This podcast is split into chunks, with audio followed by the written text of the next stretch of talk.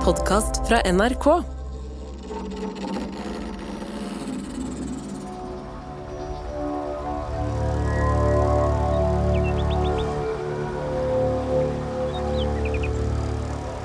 Et slott av rød murstein i Danmark.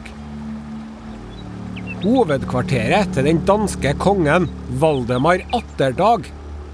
Eller eh, slott og slott, spør du meg, ser det noe mer ut som en borg enn et slott. Med festningsmur og flere tårn. Vollgrav. Og det trengs, for danskekongen, han har mange fiender. Det er mange som driver og krangler med han. Inni det her voldsomme festningsanlegget ligger det et langt steinhus, og inni der bor kongen av Danmark. Med familien sin. De sitter rundt middagsbordet og spiser middag, gjør de. Det er kongen og dronninga og kongens arving, tronarvingen, han er 17, og så er det ei prinsesse òg, på rundt 11. Og så er det noen stormenn, adelsmenn og et par biskoper der, kanskje kongens eh, nærmeste rådgivere og allierte. Ja, og så du, under bordet, der sitter enda en unge. Ei lita lys tulle på fem år. Blå øyne. Attpåklatten sitter der. Hun sitter og leker og pludrer og snakker med dokkene sine, gjør hun, hun. Over henne, ved matbordet, der prates det. Som vanlig handler praten om politikk. Og som vanlig så er det han far, kongen, som legger ut om hvordan Danmark og verden fungerer. Nå skal du høre, gutten min, sier danskekongen. Det er én ting som funker her i verden, og det er makt. Rå, brutal makt. Det var et eh, svare strev for kong Valdemar bare å holde Danmark samla, sjø. Danmark holdt på å revne i sammenføyningene. Det var tussig til en. Kong Valdemar slår i bordet. Rå makt! Det er det eneste folk skjønner. Under bordet sitter Lichpia med hodet på skakke. Hun følger nøye med. Men det får ikke kongen med seg. Han legger ut videre. Makt, min sønn, den utøver man gjennom krig. Krig løser alle floker. Følg med på det jeg sier nå, dette er viktig. Hun lille tulla under bordet. Nå sitter hun og rister på hodet sitt. Små unger, skjønner du, de får med seg mer enn du tror dem, gjør dem. Kongen er i siget. Her er det livsvisdom som læres bort. Det gjelder å få folk til å frykte deg, ta dem hardt, og hvis noen kødder med deg, drep dem. Følg de rådene her, min sønn, så en dag er det du som igjen hersker over hele Danmark. Og med de visdomsordene lener danskekongen seg bakover i stolen. Tilfreds tar han en stor slurk vin. Det var drømmen til en kong Valdemar, det nemlig. Å gjenreise et sterkt dansk kongedømme. Under bordet sitter den lille jenta og flirer og koser seg og snakker med dukkene sine. Pappa er bra rar. Krig må nå være siste utvei. Skal vel ikke drive og krige hvis man kan unngå det? Hæ? Ikke sant, dukka mi? Dessuten, hersk over hele Danmark. Det syns jeg var smått tenkt. Må jo være mye morsommere å herske over Danmark og Sverige og Norge og hele Skandinavia. Ja, det liker jeg at jeg gjør.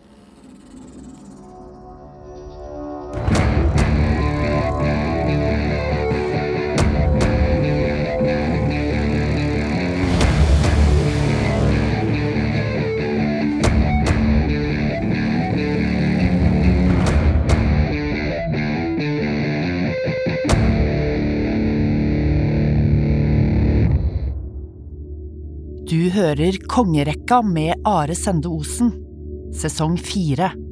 En podkastserie om de norske kongene.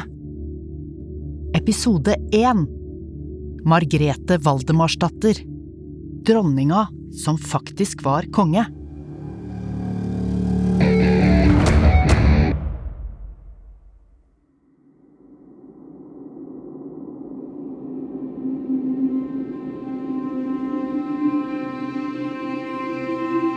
Margrete Valdemarsdatter ble født i 1353. Hun var den yngste i søskenflokken. Hun var yngst, og hun var minst. Ei lita flis av ei jente. Ble aldri høyere enn ei 60. Men det var 160 cm proppfull av styrke og energi.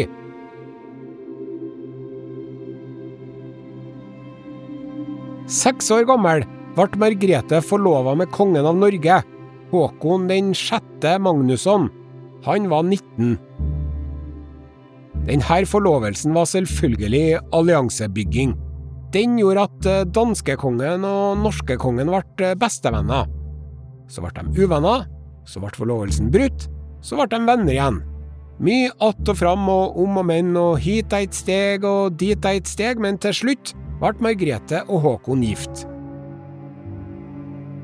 Ti år gamle Margrethe gifta seg med 23 år gamle Håkon i København, og Margrethe ble norsk dronning.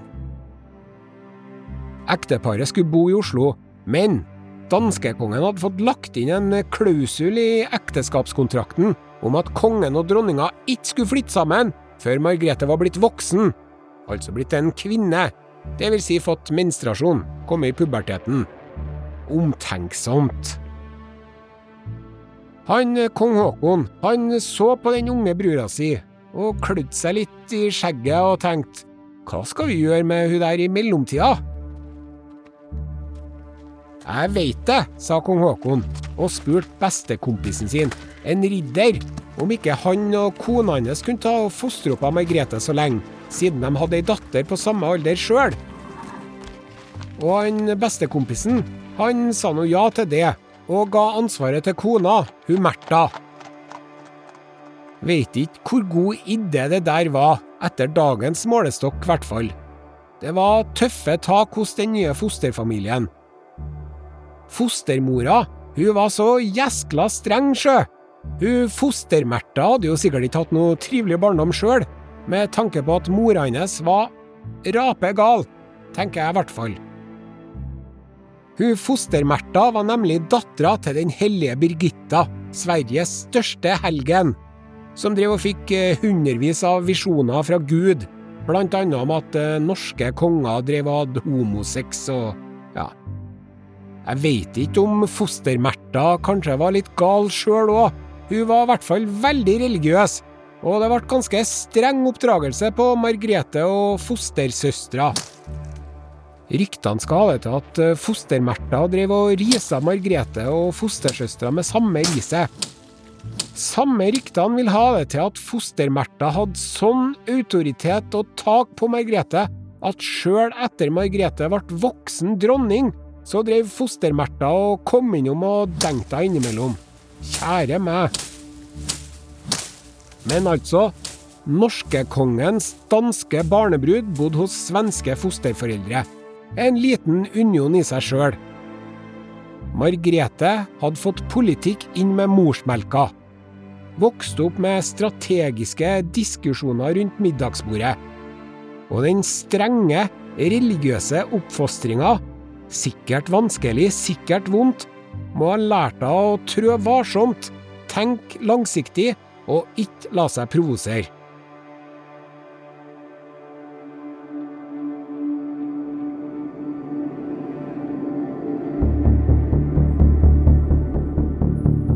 I 1368 var Margrethe 15 år. Nå hadde hun fått mensen.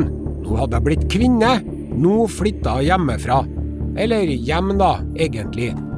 Hjem på Akershus slott i Oslo. Sa ha det til fosterforeldrene. Takk for alt. Å ja, vi holder nå kontakten, jenta mi, sa fostermerta. He-he, sa Margrethe, litt usikkert. Og så flytta dronninga av Norge inn sammen med ektemannen sin, kongen av Norge. Sjøl om han var lite hjemme på Akershus. Han for mye rundt i jobben. To år seinere, da fikk hun dronning Margrethe en sønn. En sønn, en sønn, en sønn, en sønn! Og det var så gjeskla bra, det! Full score! Midt i blinken på første forsøket. En sønn. En arving. Det var det beste som kunne ha skjedd, og alle sammen var bare så gjeskla fornøyd. Og den sønnen, han skal hete Olav. sa Margrethe. Ja, skal han virkelig det? spurte de. Fostermerta og ektemannen og biskoper sikkert. Olav, er det så lurt? Dronning Margrethe var skråsikker. Hellig-Olav sjøl kom til meg i en drøm og sa det. Og det stoppa nok kjeften til i hvert fall fostermerta og biskopene, for de var vel vant med spesielle beskjeder fra Gud i syner og drømmer og alt sånt. Ko-ko. Hvert fall. Det var så bra, og lille Olav vokste og trivdes. Og det var nå godt gjort, for Norge var ganske knekt etter pesten. Det var stor nød, fattigdom og matmangel, til og med på slottet. Sjøl dronninga måtte drive og handle på krita. Da Olav var fem år og Margrethe 22, da daua faren hennes, danskekongen Valdemar Atterdag, uten noe sønn til å ta over etter seg. For veit du, alle ungene til danskekongen hadde daua, bortsett fra Margrethe. Han danskekongen han hadde pekt ut et av barnebarna sine til etterfølger, sønnen til storesøstera til Margrethe, Albrekt, og sagt at han, han skulle bli konge av Danmark. Og sant, i Norge så var det sånn at der arva du tronen, men i Danmark, der var et litt annet system. Der måtte du velges i tillegg til å være arvelig disponert, for å si det sånn. Der var det en liten gjeng med mektige menn, riksrådet, som valgte kongen. Og da kunne de forhandle med kongen om hvordan han skulle være, for han måtte skrive under en avtale med dem for å bli konge. Og Albrekt, fetter Albrekt, han var en sterk kandidat, utpekt av den døde kongen. Og han hadde støtte av den mektige keiseren nede i Tyskland. Det burde egentlig vært eh, ferdig snakka. Men dronning Margrethe, ambisiøse Margrethe, hun for til Danmark i en fei for å stokke om den kortstokken. Dronning Margrethe overbeviste adelen og kirka og den store tyske handelsorganisasjonen Hansa-forbundet om at Olav som konge av Danmark, da altså med Margrethe på kjøpet, var et mye bedre kort å satse på enn fetter Albrekt. Det var litt av en valgkamp hun gjennomførte. Så ble det sånn. Lille Olav ble valgt til konge av Danmark, bare seks år gammel. Synd for deg, Albrekt, din nisse, men veldig bra for dronning Margrethe. Hun pakka sammen pikkpakket sitt og flytta tilbake til Danmark. Hvis du syns det er deilig å være norsk i Danmark, kan du jo tenke deg hvor deilig det er å være dansk. Nå var der hun ville være. Nå, vet du. Nå satt da Margrethe ved det samme bordet som hun satt under som lita jente. I praksis var det dronning Margrethe som hadde makta, for kong Olav, han var jo så ung. Så hun satt der og var litt høy i hatten, med god grunn. Og bokstavelig talt. Adelskvinner, nemlig. De hadde høye, spisse hatter på den tida her. Litt sånn opp-ned kremmerhus på hodet, med langt slør hengende ned på sida. Og så hadde de høyt hårfeste. Hva sier du, Osen? Høyt hårfeste? Jepp. Høyt hårfeste var på moten. Det var det fineste av alt. Så hvis du ikke hadde høyt hårfeste, da ordna de det. De barberte hårfestet for å få høy og åndelig panne. Omvendt hentesveis. Men om at dronning Margrethe var høy i hatten, så var hun lell ikke høy på pæra. For dronning Margrethe, hun var rett og slett gjeskla smart. Klok og kløktig og usedvanlig flink til å snakke med folk. Og Margrethe hadde som sagt kirka og Hansa-forbundet på laget. Noen år seinere så døde mannen til dronning Margrethe, kongen av Norge. Og dermed, vet du, arva lille Olav Norge. Han var jo konge av Danmark allerede. Nå ble han konge av Norge i tillegg. men det var jo enkedronning Margrethe som var voksen og bestemt. Og nå, nå skulle Margrethe ta Sverige. Hun hadde et mål om å kontrollere alle tre rikene og samle dem i en union. Skulle nå gå ganske greit, mente Margrethe. Men så, skjønner du, mens Margrethe var i Sverige, for rett og slett å ordne Sverige, så kom det et katastrofalt budskap fra Danmark. Kong Olav var død, bare 15 år gammel. Og det her var jo en tragedie. Forferdelig trist. Du kan tenke deg sjøl, din eneste sønn har daua. I tillegg så var det jo Olav Det var jo han som var konge av Norge og Danmark. Margrethe hun var egentlig ingenting, hun. Hun var mora til den døde kongen, og enka etter en annen død konge, og dattera til en tredje død konge. Men ikke noe av det betydde noen verdens ting, formelt sett. Margrethe, hun var kvinne. Dronning, ja vel. Men en dronning kunne ikke regjere alene bare som formynder for en arving til tronen, altså en gutt, en levende gutt. Så det var noe trist. Ja, Høyre var leit, ja, Margrethe, enn at det skulle ende sånn, du var jo så godt i gang. Men nå er det vel bare å finne seg et kloster du kan flytte inn i, hvor du kan sy og veve og be til Gud og Ja, for nå er det vel game over, Margrethe?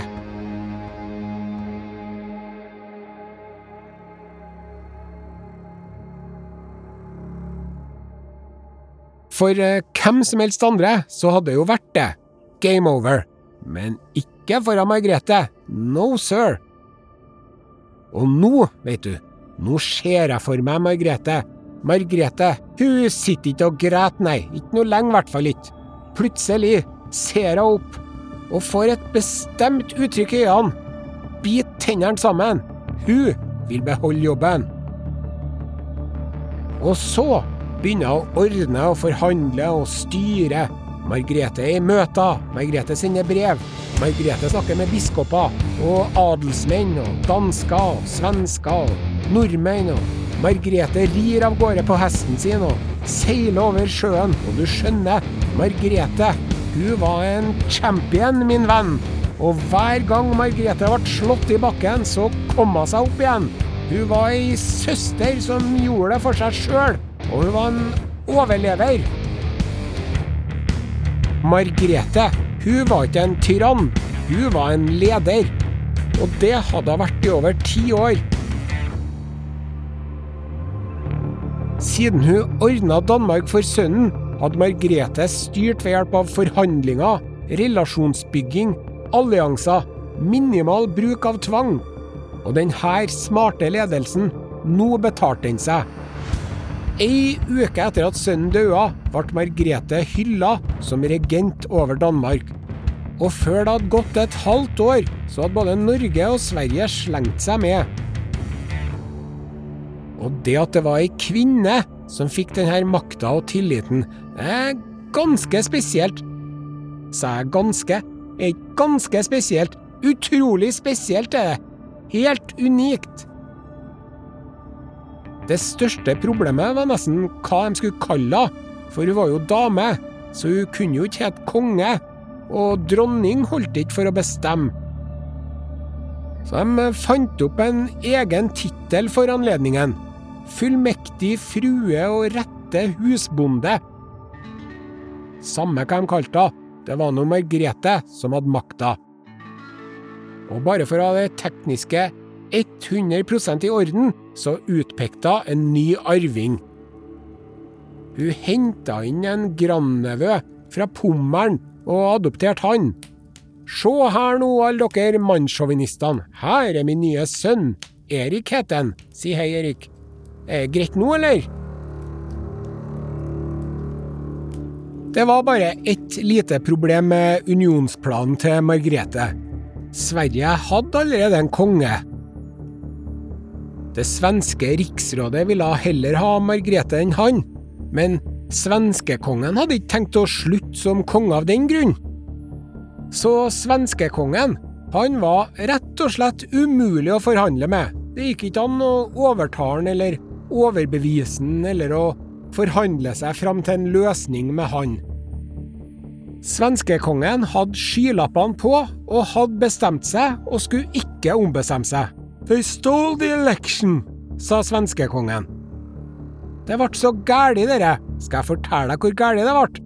Det ble så gæli at Margrete, hun Ja, det ble faktisk et slag. Krig. Margretes første og eneste ordentlige krig på slagmarken. Den uh, fullmektige frue og rette husbond, skjønner du, hun mente jo, i motsetning til far sin og stort sett alle andre på den tida, at krig, nei, det likte hun ikke. Krig, det var unødvendig, uberegnelig, uforutsigbart. Krig var siste løsning. Så derfor, Margrete, hun kriga bare én gang, hun. Og det var mot svenskekongen. Det slaget vant da Margrete. Ennå hun ikke var her engang. Hun var 50 mil unna, hun. Men generalen hennes i hvert fall vant. Eller ridderen som hadde styringa, da. Han vant og døde, og tok svenskekongen til fange. Ikke i den rekkefølgen, men du skjønner hva jeg mener. Og alle sammen tenkte at ja ja, han svenskekongen slipper vi nå fri ganske snart. Det er jo gode løsepenger å få for han. Men Margrethe, hun hadde andre planer. Han svenskekongen, nemlig, han hadde holdt svigerfaren til Margrethe i fengsel en 15-20 år tidligere. Det var han norske kong Kose-Magnus, sant? Så Margrethe sa, han svenskekongen, som liker å holde folk i fengsel, skal vi se hvor artig han syns det er å være i fengsel sjøl. Og så lot hun svenskekongen sitte i fengsel i seks og et halvt år. To måneder lenger enn svenskekongen hadde holdt svigerfaren hennes fanga. Og da, da fikk svenskekongen kjøpt seg fri mot løsepenger. Og det var ikke noe småtteri heller. Det var helt skrekkelig mye penger. Ufattelige 60 000 mark sølv er mye penger. Tolv tonn sølv. Og herre knakk rett og slett ryggen på svenskekongen økonomisk, og dermed var det ingen lenger som akkederte mot at Margrethe var konge over Norge, Sverige og Danmark, unnskyld, frue og husbonde. Og Margrethe var rett og slett veldig populær. Så, i 1397, da gikk endelig Margretes store drøm i oppfyllelse. Da ble 15 år gamle Erik av Pommern krona til konge over alle tre rikene, Norge, Sverige og Danmark, i én og samme seremoni. Eneste gangen det har skjedd. Herre foregikk i Kalmar i Sverige, så da kalte de denne unionen for Kalmarunionen. Og den kroninga her, det er kronen på verket til Margrethe. Skulle eh, kong Erik ta over styringa han nå, liksom? Nei da. Margrethe, hun satt trygt i sadelen, kan jeg fortelle deg, sjøl om Erik var konge. Norge hadde valgt Margrethe til regent, på livstid, uten dikkedarer. Svenskene sa at Margrethe skal styre helt til vi velger en ny konge, og Margrethe bestemmer sjøl når det blir. Og danskene sa at Margrethe bestemmer helt til hun blir enig med oss om at vi skal velge en ny konge. Så, Margrethe, hun satt bra trygt, ja. Kong Erik var en formalitet, og herre her hadde Margrethe skriftlig, svart på hvitt. De hadde skrevet under bare alle sammen da de ordna denne Kalmarunionen. Men det som er litt snedig, det er at den avtalen, den var skrevet på papir. Ja, og så, da? Jo, det er litt spesielt, det, sjø. For på den tida så skulle sånne viktige avtaler, offisielle dokumenter, de skulle være skrevet på pergament, altså skinn. Hvis det ikke var skrevet på pergament, men bare på papir, da gjaldt det ordentlig, var ikke juridisk gyldig. Så det er mulig at eh, Margrethe gjorde det her med vilje. Hun hadde en avtale, men bare på papir, som hun la i skuffa. Og så kunne hun vifte med den avtalen når hun ville, og så kunne hun overse den når hun ville det. Hun var så smart, altså. En annen ting Margrethe gjorde, hvis det ble en eh, stilling ledig oppe i statsapparatet, en viktig posisjon som skulle fylles, enten så satt Margrethe en av sine menn i den posten, eller så lot hun rett og slett stå åpen. Og mens den stillinga sto tom, så var det Margrethe sjøl som tok avgjørelsene. Og dere riksrådene rundt omkring i Norge, Sverige og Danmark, de fikk nesten ikke noe de skulle ha sagt. De hadde omtrent ikke møter dem mens Margrethe styrte. Margrethe ordna heller avtaler med enkeltpersoner. Møtte dem én og én, gjorde hun. Man kan oppsummere det systemet der da med to ord. Margrethe bestemmer. Hun ville ha sterkest mulig kongemakt med minst mulig innblanding. Og det er jo egentlig et veldig sleipt og udemokratisk system sett med våre briller, i hvert fall. Men med Margrethe som sjef funka det systemet kjempebra.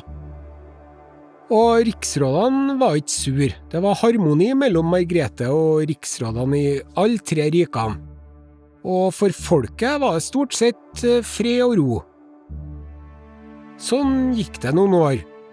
Og da han arvingen Erik ble myndig, så var det kanskje noen som ble spent. Skal han kong Erik ta over nå, eller? Eh, det gjorde han ikke. Han òg dansa etter mammas pipe. Det var fortsatt mamma som bestemte, sjøl om en Erik var en voksen mann.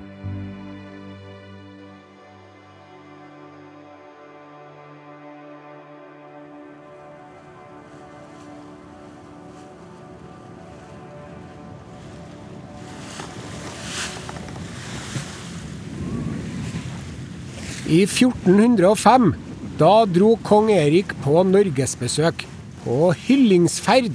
Og da hadde Erik fått klar beskjed, bokstavelig talt klar beskjed, i en detaljert og omfattende skriftlig instruks fra mamma Margrethe om hvordan han skulle oppføre seg på tur. I Margrethes eh, bruksanvisning for norgesbesøket står det at Erik skal smile pent og ta imot alle gaver og si tusen takk og oppføre seg ordentlig og få henta inn 100 par støvler og 200 par sko i skomakerskatt. Og han skal passe på at det er ingen som bråker i følget hans, og at alle er sivilisert og danna. Og hvis noen vil gjøre noen avtaler med han, så skal ikke han love noen noe. Og han skal ikke si ja til noe som helst om noen verdens ting og ikke gi noen løfter eller inngå overenskomster på egen hånd. Og hvis noen spør om noe, så skal han Erik si dere må du spørre mor om. Og så står det helt nederst at denne instruksen den skal leses grundig og ofte, så at du med Guds hjelp ikke fucker opp og driter deg ut og sier ja til noe du ikke har myndighet til. For det er jeg som bestemmer. Mamma. Det er litt penere språk, men det er det som står der. Jeg vet ikke hva Margrethe drev på med mens kong Erik var på tur alene i Norge, men det kan være at hun drev og jobber med innfløkte og tidkrevende diplomatiske forhandlinger vedrørende sin sønns giftermål. Ja, for det tok henne ti år å få han godt gift. Men hun fikk dratt det i land til slutt. Og faren hennes, da, som hadde drømt om å være ubestridt hersker over Danmark. Han skulle bare visst hva hun lillpia under middagsbordet hadde utretta. Margrethe herska over hele Norden, Norge og Sverige og Danmark og Island og Shetland og Orkneyene og Færøyene og Grønland. Var det noe mer, da? Ja, visst var det. Ta med Finland òg, du, far. Det lå mye under Sverige, da. Ja, så litt av Tyskland i tillegg. ingen nordisk konge hadde herska over et like stort område som Margrethe.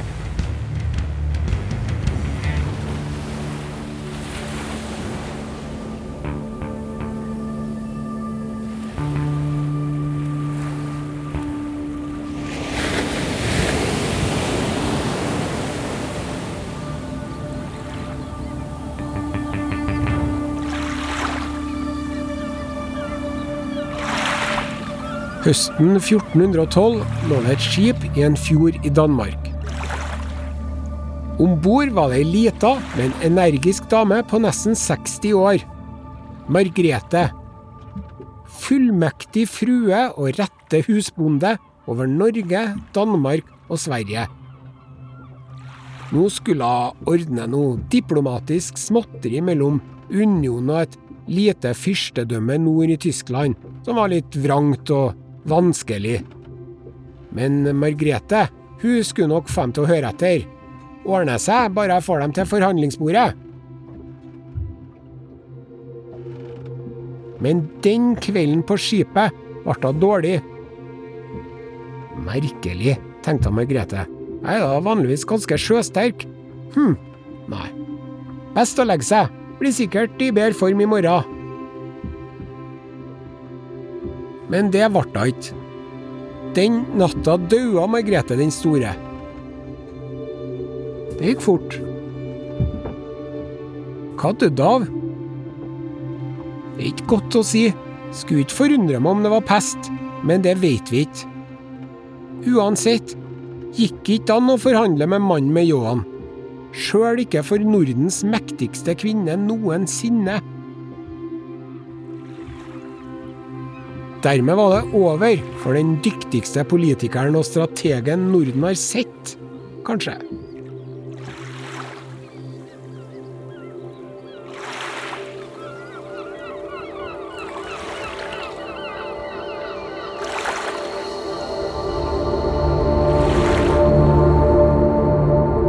Ok, nå blir det kong Erik av Pommern som tar over, på ordentlig. Og kong Erik han er smart, han er kjekk, han er atletisk, han er populær. Så da bør vel herre gå greit? Eh, har han det som skal til?